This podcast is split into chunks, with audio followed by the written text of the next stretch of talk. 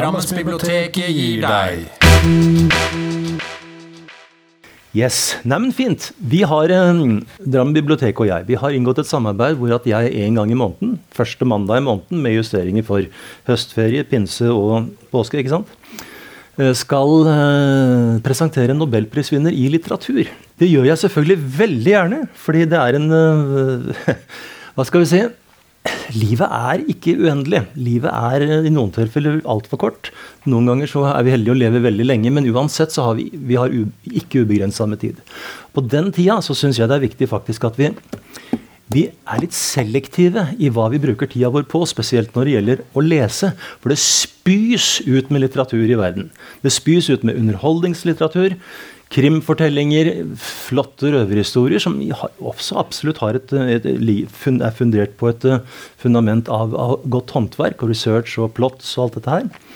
Men det finnes også det jeg vil kalle litteratur med proteiner. I gamle dager så ville jeg sagt litteratur med kjøtt, men sånn kan man ikke si i 2022. ikke sant? Da blir man uh, steina. Så da, går, åker man ut, fordi eh, det er veldig, veldig feil i dag å si å, sette likhetstegn mellom proteiner og kjøtt. Selv om selvfølgelig kjøtt er proteiner, så er det så mange andre ting også som er proteiner. Som jeg, sier, oppsøk litteratur med proteiner. Og hvorfor ikke begynne med nobelprisvinnere?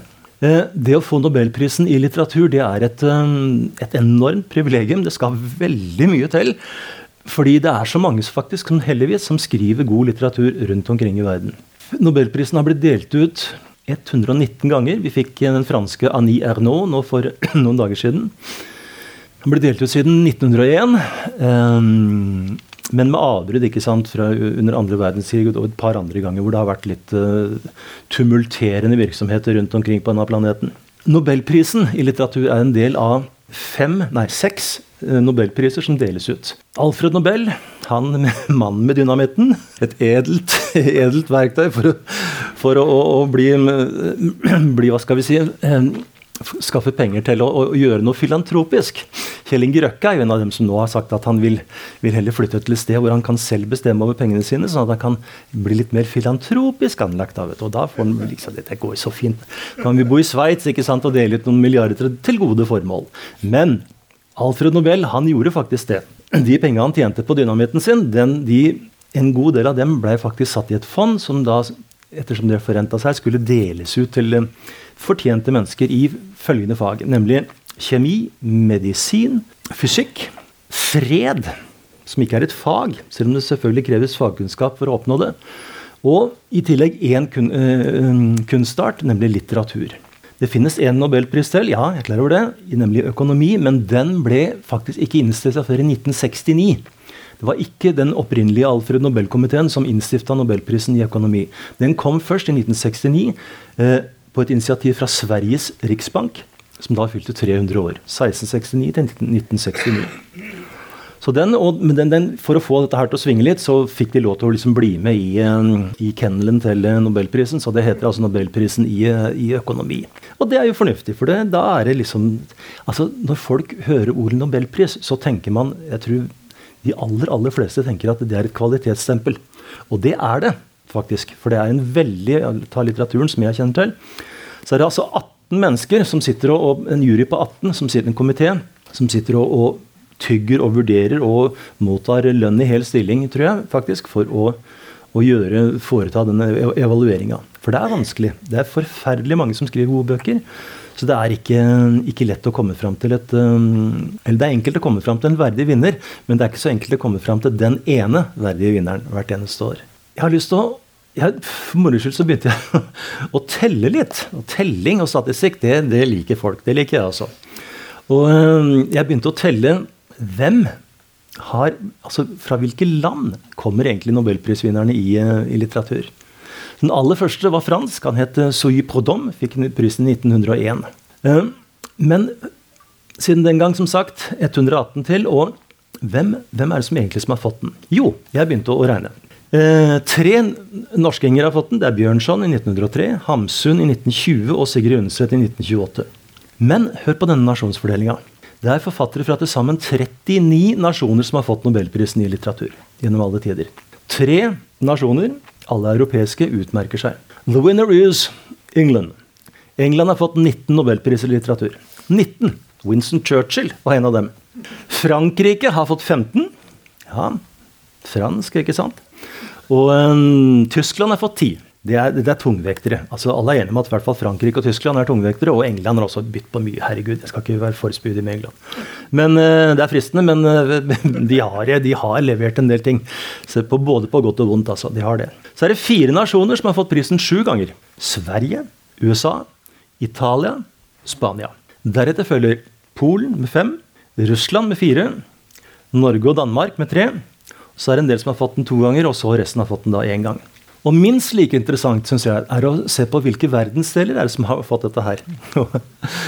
Eh, da begynner det å bli, bli nokså typisk. For vi ser her at Europa har en andel på 24 land av de 39 som har fått. Sør-Amerika har fem. Afrika har fire.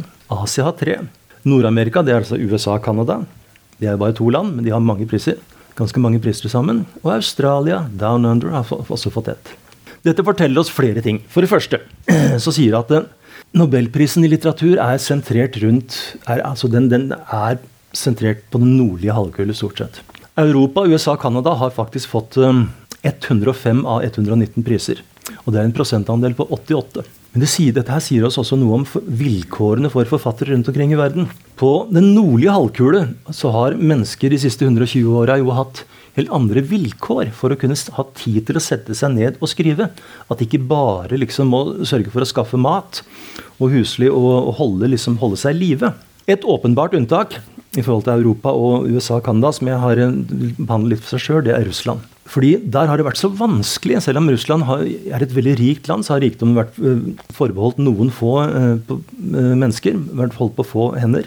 Og de hadde 70 år med kommuniststyre ikke sant, fra 1917-1918 og fram til, um, til, 1990, da Gorbatsjov kom og, og skjøv rundt på alt. Så hadde de 20 år hvor at det virkelig skjedde ting. Men de store forfatterne, de var før. Tenk på altså, Anton Tsjekhov. For en forfatter! For en betrakter! For en empati! Tsjekhov var lege, ikke sant, reiste rundt og så elendigheten under, i Tsare-Russland. Tenk på Pusjkin, poeten. Tenk på Dostojevskij. De der gigantiske romanene. hvor du hvis du klar, holder ut de første 100 sidene og blir presentert for 80 forskjellige personer, så har du en stor opplevelse i vente. Jeg gjorde det. Jeg klarte meg, jeg klarte meg gjennom noen av dem på 80-tallet, da jeg var eh, student. Og jeg har aldri angra. Det er veldig flotte ting. Du har Leo Tolstoy. ikke sant? Episke mesterverker. Du har Nikolai Gogol, du har Ivan Turgenev. Kjempeflotte forfattere. Så du, man forstår altså hvilke tankeressurser og menneskelige innsikter som ligger i eh, innbyggerne på, i det der veldige kontinentet Russland. Som altså nå igjen har fått et, et styre som jo fullstendig setter verden på huet. Det er veldig tragisk. På den sørlige halvkule derimot, og spesielt i Afrika og store deler av Asia, så har levevilkårene, levestandarden, vært så gjennom årene vært så dårlig at um, folk flest rett og slett ikke har hatt tid eller råd eller mulighet til å sette seg ned og gjøre noe så luksuriøst som å skrive. Men klart, åpenbare unntak finnes. Og det er jo hevet over enhver tvil at det finnes mer enn nok av materiale å ta av, av skjebner. ikke sant? Og bruke som utgangspunkt for, for skjønnlitteratur, for romaner og poesi der nede. Det er en turbulent og plaga del av verden, men du, den, den, kommer. Den kommer. De siste 30-40 åra har, har andelen vokst. ikke sant, Asiatere og afrikanere som har, har fått, eh, og søramerikanere som har fått, eh, fått, prisen. Så jeg vil konkludere den delen her av, av, programmet med å si at det, det å være forfatter det er avhengig av to ting. Skal du bli, kunne være forfatter, så er det avhengig av en viss materiell trygghet. Du kan ikke bruke hele livet ditt, eh, all tida di bare på å løpe omkring og skaffe mat. Men du, du trenger også ytringsfrihet. Du må ha, leve i et samfunn, du må være i omgivelser som gjør at du har anledning til å ytre deg, skrive det du vil, si det du vil, og på den måten få brukt det potensialet du har som, eh, som forfatter og, og, tenker. Så da. Polen. Herregud. Det er et land ja, jeg sier det fordi det, det også er et land med veldig broka historie. Polen har 38 millioner innbyggere i dag. Ja, med det verdens 34. største, største land, målt et innbyggertall. Og um, Ytringsfriheten jo, hadde jo selvfølgelig veldig veldig begrensa kår her i eh, etterkrigstida, da de lå bak det såkalte jernteppet. Eh, så hadde de 20 ganske gode år fra 1990 til 2010. Men etter det så har nasjonalismen begynt å skru Polen til igjen. Eh, sterke krefter i Polen vil lage, vil lage, nye lover som overstyrer EU og sikre en større grad av såkalt nasjonal selvstendighet. Og Polen er sammen med Ungarn eh, verstingene på ytringsfrihet innen EU. Det, det, må vi kunne slå fast. Det er en knugende nasjonalisme som gjennomsyrer samfunnets viktigste institusjoner. Og De siste åra har regjeringene i disse landene, Ungarn og Polen, gjort iherdige forsøk på å oppløse de forankringene og mekanismene som gjør et demokrati nettopp til, noe, til et sådant. Bare tenk på den store flyktningkrisa i 2015-2016. Da var Polen og Ungarn de to eneste virkelig europeiske landa som utmerka seg ved konsekvent å si nei til å ta imot flyktninger fra, fra Syria og, og, Midtøsten, Afghanistan. I Polen i dag er det sånn at kompetente mennesker i nøkkelposisjoner innenfor alle samfunnsfunksjoner, det være seg rettsvesen, utdanning, helse, kunst osv., de byttes ut altså med smalspora, nå er jeg snill, smalspora individer som støtter nasjonalismen trangsyntheten.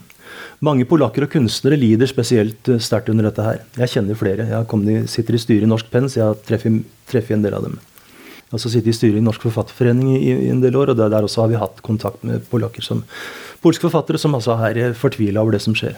Og så er det den der enorme kruttsterke homofobien som ligger i en, i en del av disse landene her. Russland selvfølgelig, men også Polen, Ungarn. altså det er Altså det, er, det, er, helt bemerkelsesverdig hvor, hvor, interessant det er hvem man er kjæreste med, hvem man har sex med. Altså det, altså hva i all verden er interessant med det? Altså dette her må jo styres innenfra. Men det nei, nei, nei, nei, nei, nei, nei det, det, går ikke an. Så det ligger i folkedypet. Dette her er ikke noe, Polen er ikke noe diktatur. Polen er et folkevalgt demokrati. En folkevalgt regjering som har støtte fra, fra mange, spesielt på landsbygda, eh, til å nettopp knuge og knuse de her um, institusjonene som sørger for at Polen er en anstendig nasjon. For det, den er under press. Det må man virkelig ha lov til å si. Polen har altså, fikk i 2018 sin femte nobelprisvinner i litteratur. Olga Tokarczuk. De fire andre det var en som het Henrik Sienkiewicz, som fikk prisen i 1905. Han skrev lange historiske romaner. Så i 1924 var det en kar ved navnet Vladislav Raymond som skrev ja, la oss kalle det bondefortellinger. Litt sånn Bjørnson-aktige, halvsvulstige greier om folks liv på landet. Og de verdiene som gjorde seg gjeldende da. Ikke, slett ikke selvfølgelig veldig flink forfatter, men eh, litt sånn rart å lese i dag, tror jeg. Så hadde du i 1980, i kommunisttida, så fikk du eh, en poet som het Czeslaw Milosz som han var også prosaforfatter. Han, han, bodde i eksil i Frankrike, da, så han fikk gitt ut tingene sine der og, og, publisert ting der. Han skrev stort sett om menneskers vilkår under totalitære regimer. og Det var jo mer enn nok stoff å ta den gangen. I 1996 så hadde vi poeten Wislava Symborska som fikk prisen. Men hun publiserte også i Frankrike, så det mm, ikke sant, Hun var jo da ganske høy alder fikk prisen, men hadde da sant, hatt Frankrike som et uh, som et uh, tilfluktssted sant, for å, å, publisere. Men så Olga Tokarczuk. Hva skal vi si? Det svenske akademien sa, som delte ut Nobelprisen den gangen, de gir hvert, hvert år en, en, sånn kort uttalelse hvor de sier liksom uh, en, gir en begrunnelse. Og den begrunnelsen som kom i desember, i oktober 2018, eh, var følgende. Olga Tokarczuk får Nobelprisen i litteratur for en fortellerkunst som med encyklopedisk iver utformer grenseovertredelse som livsform. Jeg har lest de fire bøkene jeg har på norsk av Tokarczuk. Jeg er helt enig i den. En veldig god begrunnelse. Det, det stemmer. Altså, Olga Tokarczuk Olga Tokarczuk hun er et merkelig vesen. Det må jeg ha lov til å si. Hun er en typisk representant for en person, en mennesketype, som øh, forfatt, en del forfattere faktisk er de er raringer, en del forfattere. De er merkelige folk som, som har pussige interesser som de klarer å omgjøre til en type tekst som gjør at de, de skaffer seg et levebrød ut av det. Tenk på en fyr som Dag Solstad. Hva skulle han gjort hvis han ikke hadde hatt litteratur? Han kan jo, han kan jo ikke skifte ei lyspære. Han kan, ikke, han kan, ikke, skru på en radio. Det, det, det, det, er for komplisert. Så? Men sånne folk kan skrive fantastisk litteratur. Nå er ikke Olga Tokarczuk hun er slett ikke en, en, en hjelpeløs uh, dings som, uh, som, vår kjære Dag. Hun er spesiell. fordi jeg, når jeg leser henne, så tenker jeg at Jeg ser, på, jeg ser, på, en forfatter, for jeg, jeg, vet litt om innsida av forfatterlivet. Jeg vet hva som skal til for å skrive bøker og få det ut. Og jeg veit hvilke mekanismer i meg jeg må aktivere. Og dette har jeg snakka med kollegaer om og lest kollegaer snakke om og hørt og sett på TV, debatter, paneler Så dette her, det, det kan jeg litt om. Og um, det en veldig god sammenligning det syns jeg er eh, musikkinstrumenter. Spiller du gitar, så veit du at du har seks strenger kan ha tolv. Altså, Flisspikkeri, men i hvert fall det, du veit noenlunde hva du går til. Det er et uh, høl her, eller hvis det er elgitar, så er det ikke det, men du har strenger, du stemmer osv. Spiller du klarinett, så er det sånn. Spiller du klavier, så er det sånn. Spiller du bratsj, så er det sånn. ikke sant? Og du veit omtrent hva, hvordan dette her låter. Instrumentene har en definert klang, et definert register. Det er mulig det er oversiktlig. Men en forfatter er et instrument som ikke er ikke kan kategoriseres og rubriseres på den måten. En fatter er et uoversiktlig sted. En forfatter er et resultat av hvor man er født. Altså det er alder, det er kjønn, erfaringer, utdannelse, geografisk opprinnelse. Det er etnisitet, det er historiske forutsetninger, det er sosial bakgrunn. Men også snakk om mange mye finere og mer eh, nyanserte komponenter som skal samstemmes. Og dette her, det går på personlighetstrekk. Det går på interesser altså, hva skal vi si, Kalle magnet, alle, Vi alle mennesker vi er utrusta med et slags magnetisk senter som gjør at vi tiltrekkes mot visse typer eh, hendelser, visse typer, visse fenomener, visse eh, altså Det er et engelsk, engelsk, uttrykk som heter 'Some will pay for what others pay to avoid'. og Det syns jeg er så flott, for det sier at noen vil betale for hva andre vil betale for å slippe. Og det sier noe veldig viktig om forskjellene mellom oss mennesker. At noen av oss finner, har en klangbunn som er mottagelig for det, mens andre er det. Noen liker biler, andre liker å holde på med mat, andre liker å lese, andre er fysisk og liker å løpe. Noen driver med matematikk, andre spiller sjakk osv. Andre syns det er veldig moro å gå på et gatekjøkken og, og dingle og fnise. Så det er liksom veldig Folk er veldig forskjellige, og sånn er forfattere også. Så det er sammensetningen av alle de her interessene og egenskapene og medfødte greiene, genetikk, arv, miljø osv., som danner instrumentet forfatteren. Og Olga Tokarczuk er et veldig spesielt instrument. Hun er utdanna psykolog. Hun er født 29.1.1962 i en del av Polen som, Vestpolen som ligger på samme breddegrad som Berlin. Byen heter Soletsjov. Uh, hun bor i dag i Wroclaw ikke langt fra Dresden i Tyskland. Så det er liksom, hun er vest, vestpolakk, om vi kan kalle det. Arbeida i mange år som klinisk psykolog blant narkomane og rusmisbrukere. Eh, noe som høyst sannsynlig ga en veldig djup forståelse, i hvert fall forutsetningen er til stede, for at du gjennom dette arbeidet fikk en djup forståelse av hva et menneske består av. Hvor vanskelig det er å, å få ting til å spille på lag i et menneske. Personene eh, hennes er, i, de er ofte outsidere. Det er avvikere. Det er falma, tilsidesatte og eh, litt sånn bortblåste mennesker. Ikke sant? Vi, folk så, altså, og de, de, bøkene spiller stort sett på landet. Altså, Tokarczuk er ingen byforfatter. Hun er ingen Lars Saabye Christensen som går omkring i Oslo. Tokarczuk er en forfatter som er ute i liksom det er litt sånn november. Det er hele tida november i, i, bøkene hennes. Det er litt søle og slapp, så det er litt sånn mørkt, og det er brunt og grått. og Det er lav sol som kommer inn, og folk går og myser, og alle lukter vodka. Det er liksom sånn, skjønner du? Det er liksom De kjører omkring, og det, det er bare det er rustne biler og Nei. Tro ikke et øyeblikk at dette er deprimerende lesning, for det er det ikke. Dette er veldig oppløftende lesning, faktisk. Men hun bruker liksom den derre Koloritten hennes er liksom ikke en det er ikke Synnøve Solbakken og Mar Margrethe Munthe, for å si det forsiktig.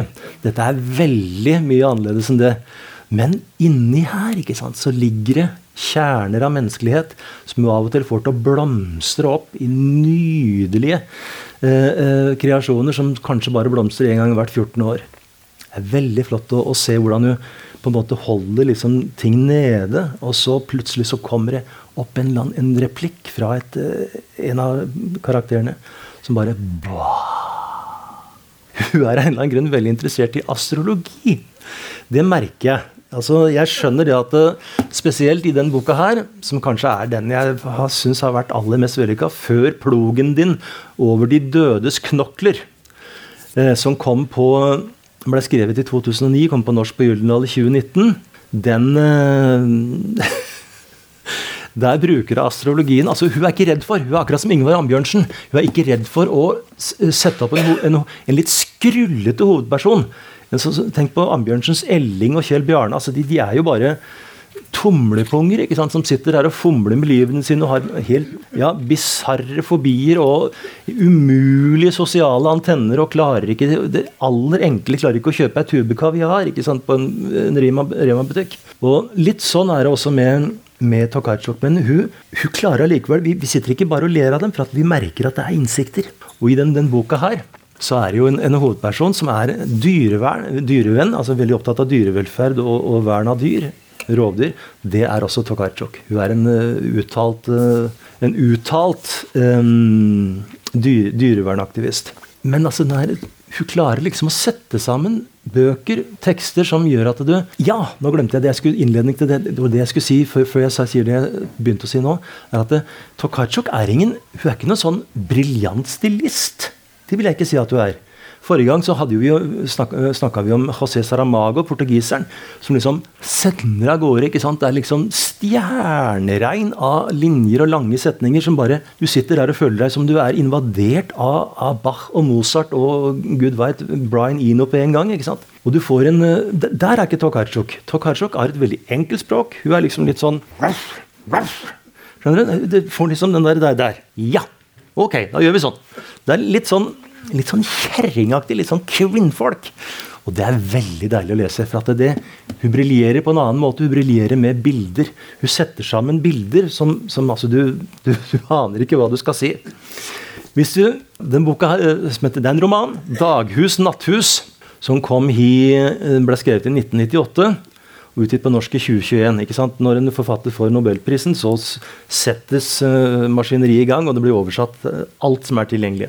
Dette er en samling med små og litt større historier som henger mer eller mindre sammen, men som helt tydelig altså, danner en slags helhet. Jeg har sett kritikere som har skrevet og uttalt at ja, dette er ikke noen roman, dette er jo kortprosa. En serie med frittstående kortprosastykker.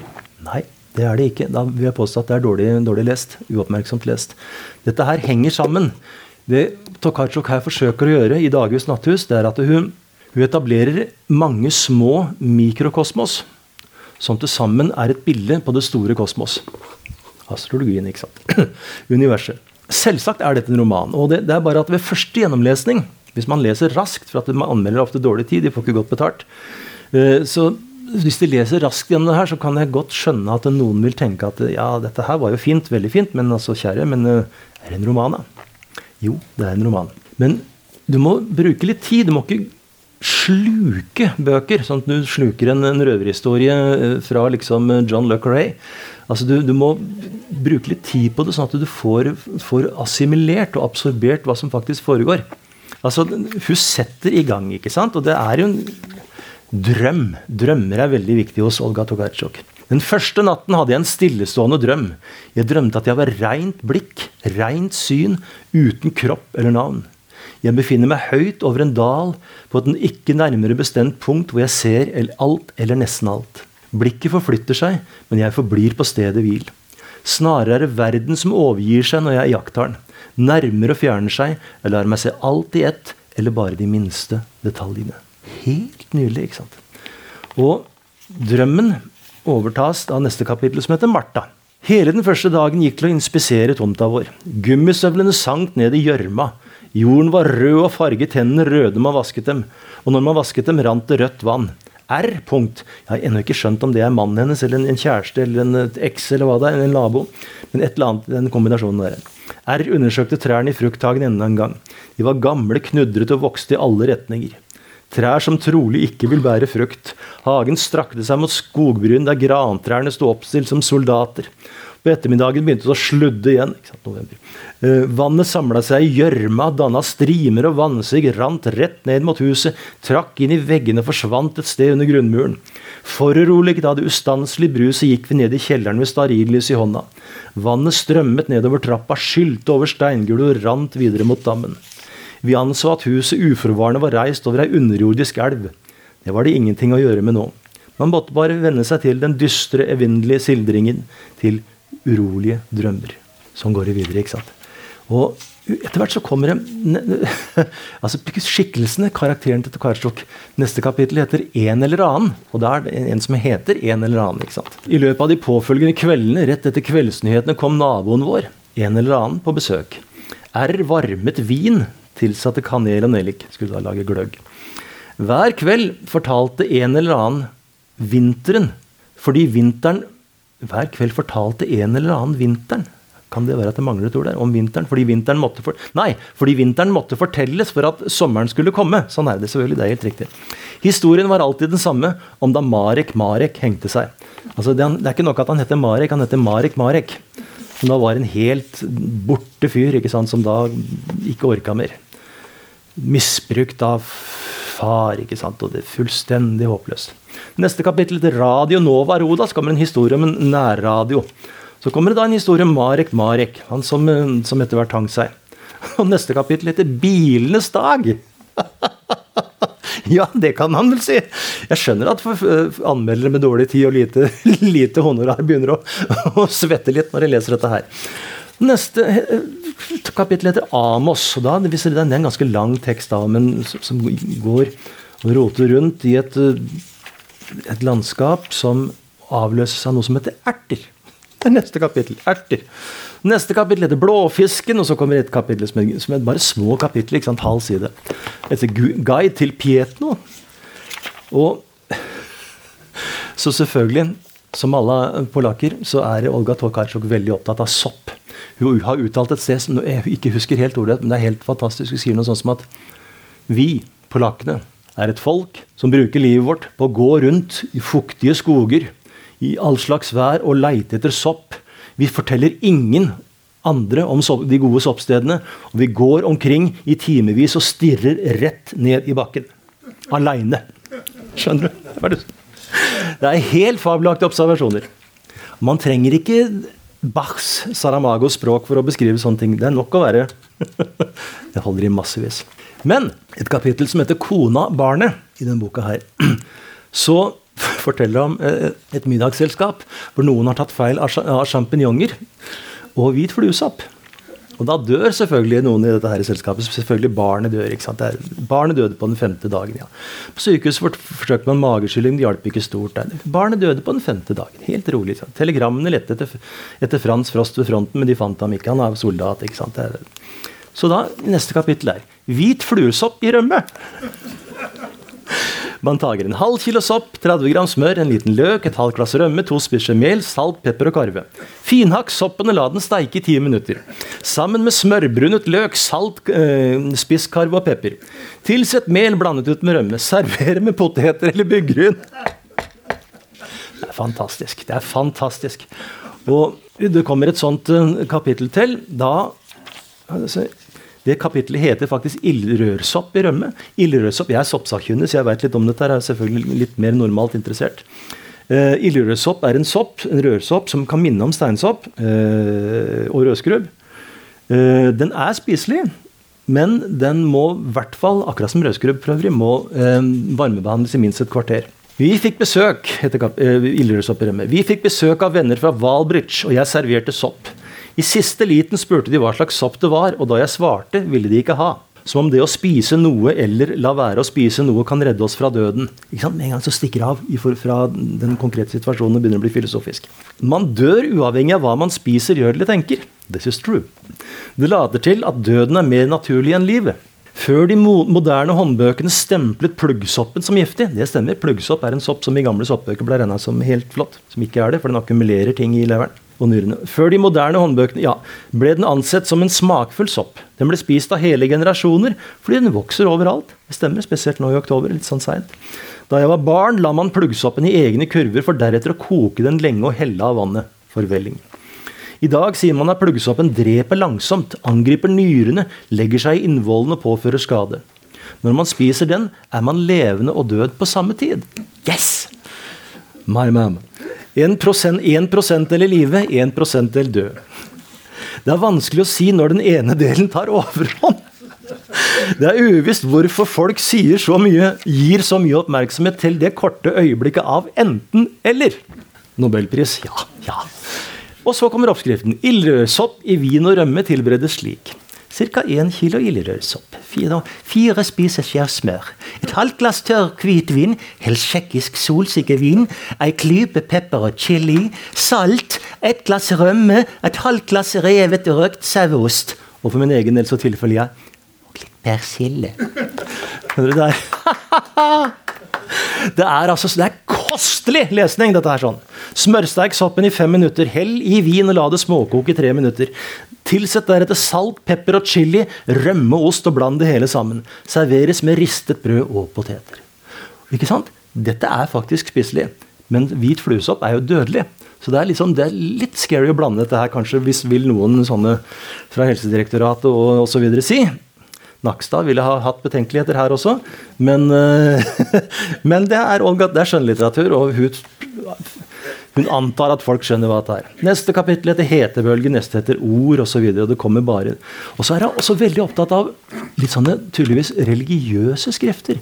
For en lang greie inni den, den Daghus Natthus som handler om og Den kommer flere ganger. Og kapittelet heter det samme hele tida, faktisk. Men det er delt opp på, på, på, i flere små som handler om en sånn helgen som heter Kommernis. Eh, jente, ikke sant? Eh, veldig vakker jente.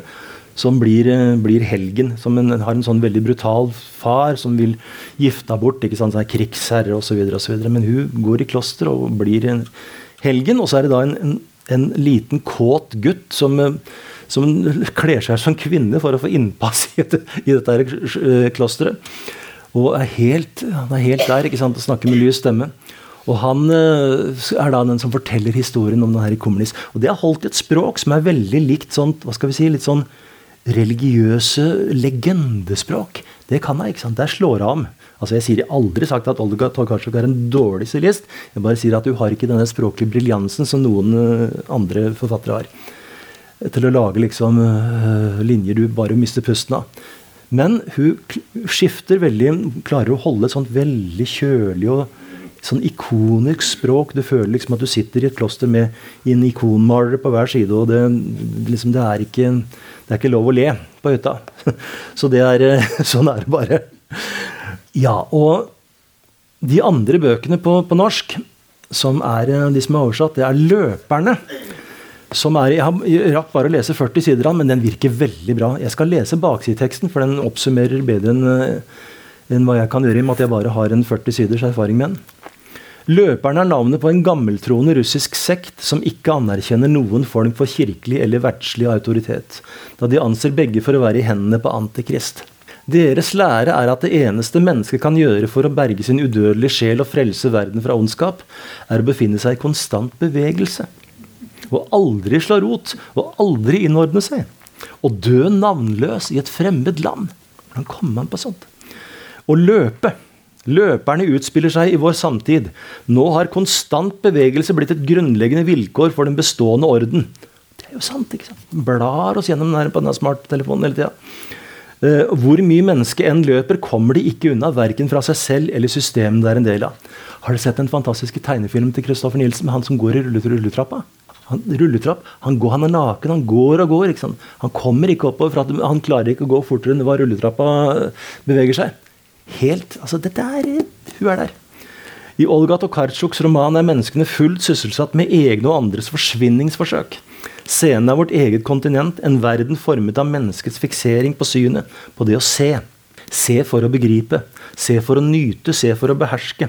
Menneskene er omringet av grenser de bærer helt inn på skinnet. Grenser som generasjoner av karttegnere, anatomer, pornografer og organpreparanter ugjenkallelig har fastslått. Her har vi noe å glede oss til. I Tokarczuks roman møter vi dem alle. De sette og de usette. De flyktende og de våkende. Men hvor er det blitt av løperne i dag? Hvor mange av dem finnes det? Så har vi den her. Bisarre fortellinger. Den, kom, den ble skrevet, faktisk skrevet i 2018. Den skrev av det året vi fikk eh, Nobelprisen.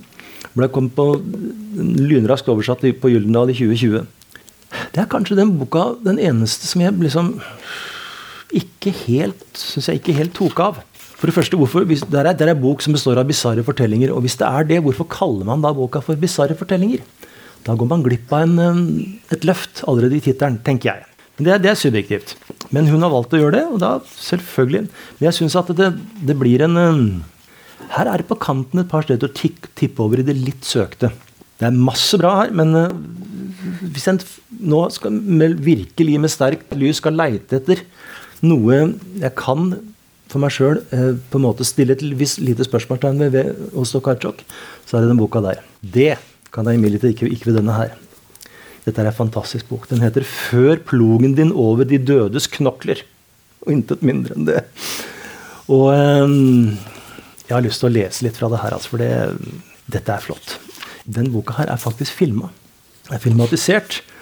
Den filmen kom i 2017, og den heter um, på polsk uh, Påkott, så vidt jeg husker. Og den heter Spore på, på engelsk.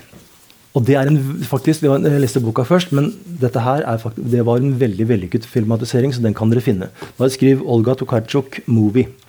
Spor, med to ord. Veldig, veldig flott film. Den handler om altså den her halvgale astrologen som også er engelsklærer, underviser i engelsk. Er timelærer i engelsk på en, en, en grunnskole. Alle ungene elsker henne. Og hun eh, er veldig opptatt av astrologi. Hun spår ting og osv. Veldig opptatt av dyrevern. Det er veldig sånn Tokarczuks egne egenskaper som er implementert her. Og boka åpner med at jeg skal lese litt av åpningen, men åpner med altså at vi kommer, det er en nabo som banker på. Alle er helt liksom, borte, ikke sant.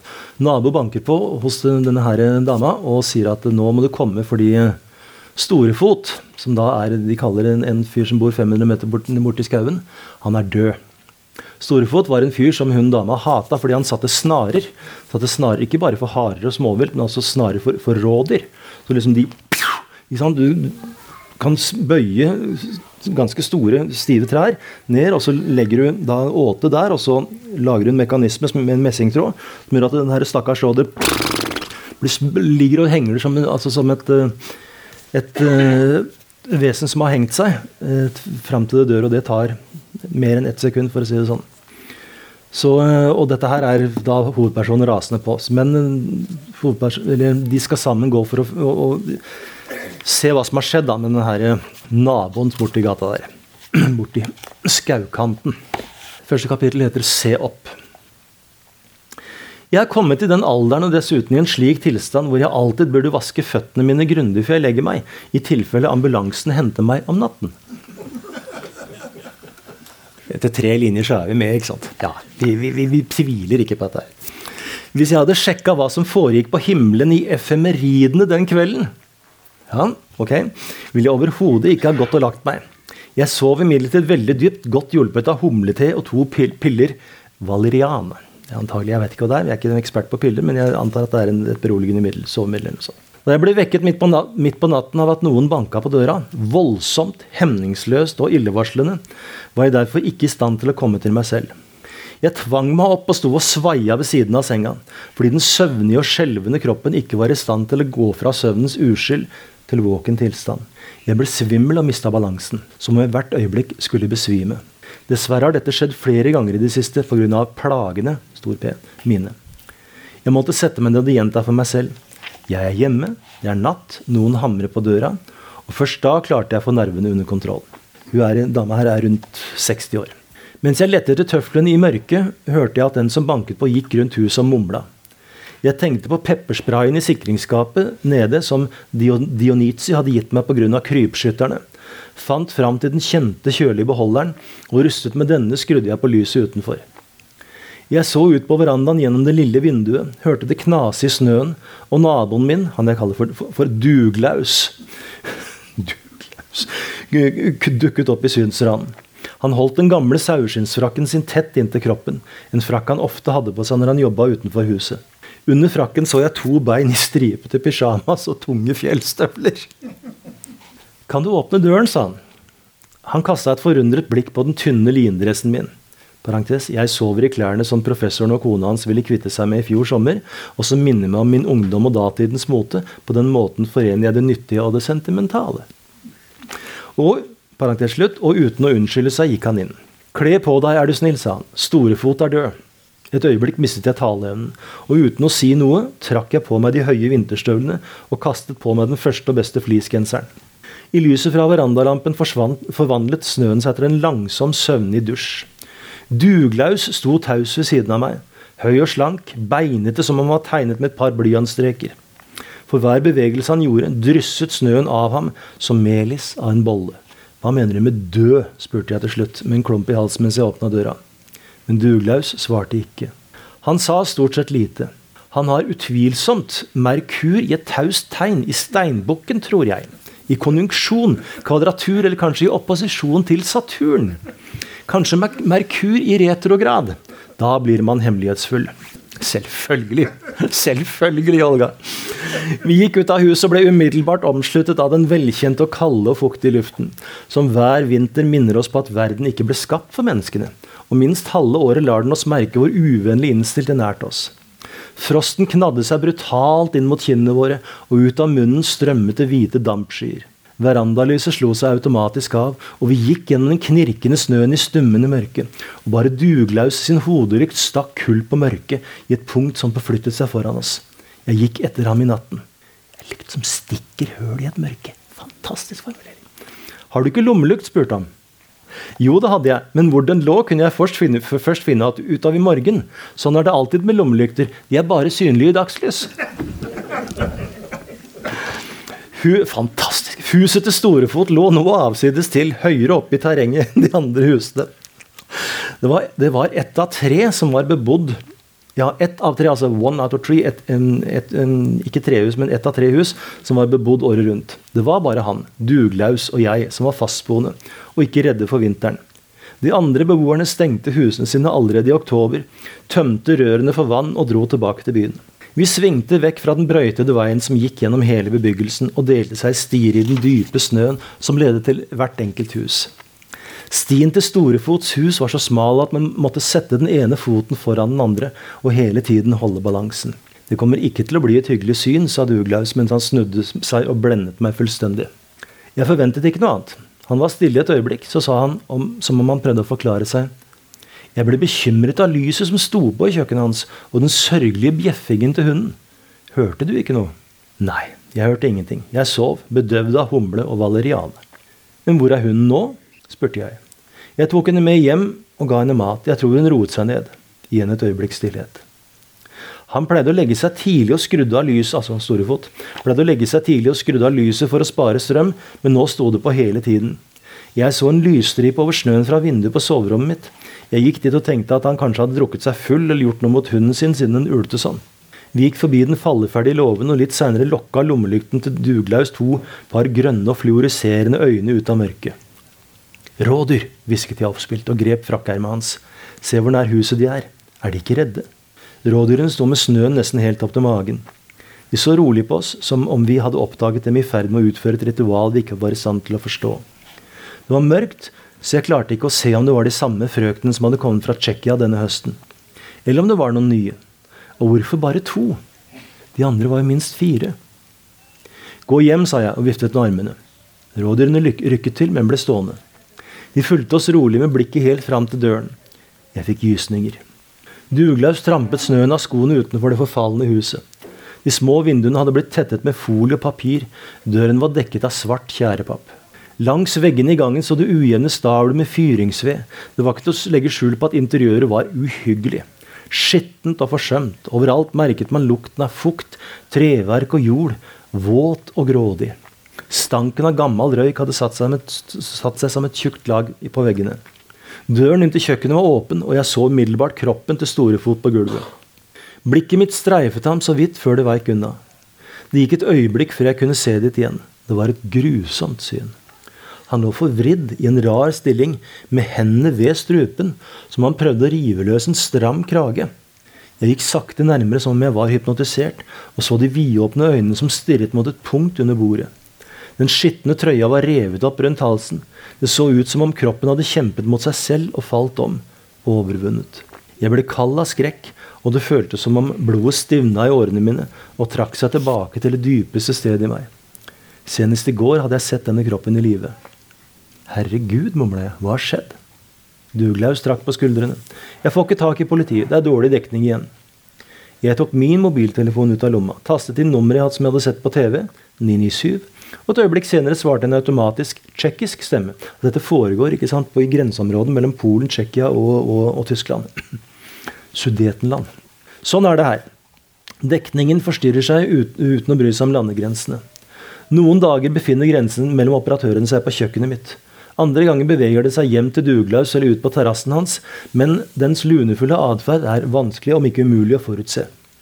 Du burde gått ut av huset lenger opp i bakken, var mitt forsinkede råd. Han kommer til å bli helt stiv før de kommer, sa Duglaus i en bedrevitende tone som jeg ikke likte. Han tok av seg frakken og hengte den over stolryggen. Vi kan ikke la ham ligge sånn, han ser forferdelig ut, han var jo tross alt naboen vår. Jeg så på den stakkars forvridde kroppen til Storefot og hadde vanskelig for å tro, for å tro det at jeg senest i går var redd for dette mennesket. Jeg likte ham ikke. Likte ikke kanskje ikke sterkt nok. Jeg burde heller si jeg syntes han var frastøtende og fæl. Jeg betraktet ham nemlig ikke som et menneske. Nå lå han på et skittent gulv med flekkete undertøy, liten og tynn, kraftløs og ufarlig. En flik av materien som hadde blitt en skjør eksistens, atskilt fra alt som følge av forandringer det er vanskelig å forestille seg. Jeg ble forferdelig trist, for til og med en så heslig person som han fortjente jo egentlig ikke å dø. Men den fortjener det. Den samme skjebne venter meg, Duglaus og rådyrene utenfor. En gang vil vi alle bare være en død kropp. Jeg kikket bort på Duglaus og søkte oppmuntring hos ham. Men han hadde aldri begynt å re opp og rydde vekk rotet på den ødelagte sovesofaen, så jeg prøvde å muntre meg opp i tankene. Det falt meg inn at Storefots død i grunnen kunne være en god ting. Døden gjorde ham fri fra rotet som livet hans bestod av. Samtidig gjorde den andre levende skapninger fri fra ham. Plutselig ble jeg klar over hvor god døden kan være. Hvor rettferdig, som et desinfiserende middel. En støvsuger. Jeg innrømmer at jeg tenkte det den gangen, og egentlig tenker jeg det fremdeles. Og så videre, og så videre. Altså det, det er liksom perspektivskifter. Hun er, går fra det knøttlille. Hun ser på den her, altså Det som har skjedd da, Jeg jo, skal ikke spoile boka, men han, han har svelga et bein ikke sant, som har satt seg fra, fra, fast i halsen. Fra et av de vilte, et av de rådyrene vel han har fanga. Det har kvalt den. ikke sant. Så han fikk det som fortjent. Han prøvde jo å frigjøre seg fra noe i halsen som samme måte som de rådyrene. Og etter hvert så skjer en hun, hun dama her, da, hovedpersonen, hun har, hun har, hun har ei bikkje. En hund. Og den bikkja blir etter hvert borte og blir funnet død. Og hun finner ut hvem som har gjort dette her. Dette har skjedd under et uhell under en jakt. Og da tar hun hevn. Hun dreper han som har skutt bikkja hennes. Ikke sant? Rett og slett. Og dette her skjer med to Jeg skal ikke ødelegge, for det skjer masse annet. Men to ganger til, to andre anledninger, så blir sånne råtasser av noen uh, varaordfører og jegerforeningformann ikke sant? De blir tatt av dage av denne dama. Så hun er rå ikke sant, når det gjelder. Men det er Én ting er å fortelle dere som sitter her, og fortelle andre om hva som foregår i ei bok. En annen ting er å lese det sjøl. Altså, dere vil ikke tro hva dere har i vente. Jeg skal lese et bitte lite avsnitt til til avslutning. Vanligvis står TV-en, altså hennes TV, på hele dagen fra frokosten av. Det beroliger meg. Når det er vintertåke utenfor vinduet, eller når daggry allerede etter et par timer umerkelig glir over i skumring, virker det som om det ikke er, ikke er noe der ute. Jeg ser, men vindusruten speiler bare kjøkkenet. Et lite, rotete sentrum av universet. Derfor TV-en. Jeg har et stort utvalg av programmer.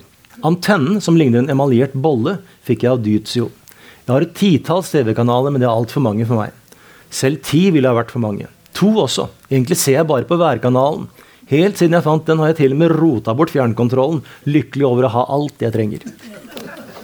Synet av de atmosfæriske frontene, atmosfæriske frontene holder meg med selskap fra morgenen av. Du ser på det hele dagen. Som et akvarium. Vakre, abstrakte linjer på kartet. Blå og røde som nærmer seg ubønnhørlig fra vest. Fra Tsjekkia og Tyskland. De bærer med seg luften som ble pustet i Praha. Kanskje til og med i Berlin.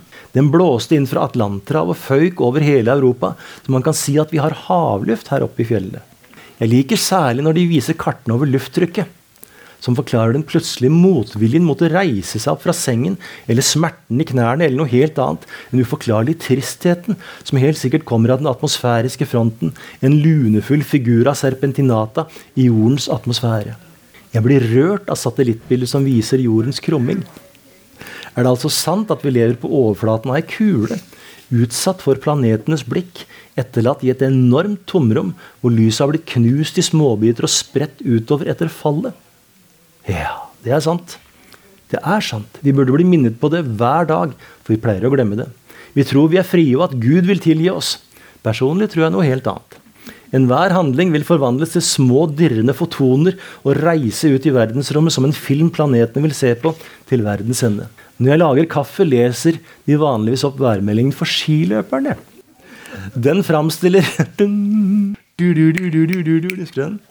Den framstiller en ruglete verden av fjell, skråninger og daler og det ustadige snølaget. Jordens ru hud med spredte snøflekker. Om våren er det allergikerne som tar skiløpernes plass, og skjermen blir fylt av farger. Myke linjer definerer fareområdene. Der hvor det er rødt, angriper naturen hardest.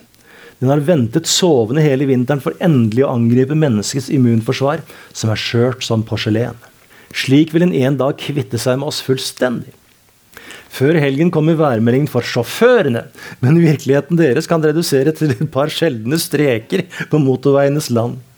Denne inndelingen av mennesker i tre grupper, skiløpere, allergikere og sjåfører, er veldig overbevisende. ja, ikke sant? Jeg er veldig overbevisende. Jeg er helt enig. En god og enkel typologi. Skiløperne er hedonister. Ikke sant? Hemningsløse. De blir båret av sted nedover fjelldalen. Sjåførene velger å ta skjebnen i egne hender, selv om ryggen deres ofte lider av det. Som vi alle vet er livet hardt. Allergikerne derimot er alltid på krigsstien. Jeg er uten tvil en allergiker. Jeg kunne også ha ønsket meg en kanal om stjerner og planeter, som f.eks. kunne ha hett Universets innflytelser. En slik kanal ville også ha bestått av kart med planetenes baner og deres virkningsfelt. Uh, hun tenker altså Mars, stig, Mars, stiger over den ekliptiske sirkelen. Kjære tilskuere, og i kveld kan vi forvente å bli påvirket av Pluto. Vi ber publikum å la bilen stå igjen i garasjen på parkeringsplasser med tak, og om å glemme, gjemme bort alle kniver, være forsiktig på vei ned i kjelleren. Mens denne planeten går gjennom krepsen, ber vi alle om å unngå bad og familiekrangler. Det ville en slank, eterisk programleder ha sagt. Vi ville ha visst hvorfor toget var forsinket, hvorfor postmannen hadde strandet i snøen med sin Fiat 500, en bitte litt, og hvorfor majonesen ikke ble god og hodepinen forsvant av seg selv uten hjelp av piller, like plutselig som den kom. Vi ville ha visst når man skal farge håret, og når man skal planlegge bryllup.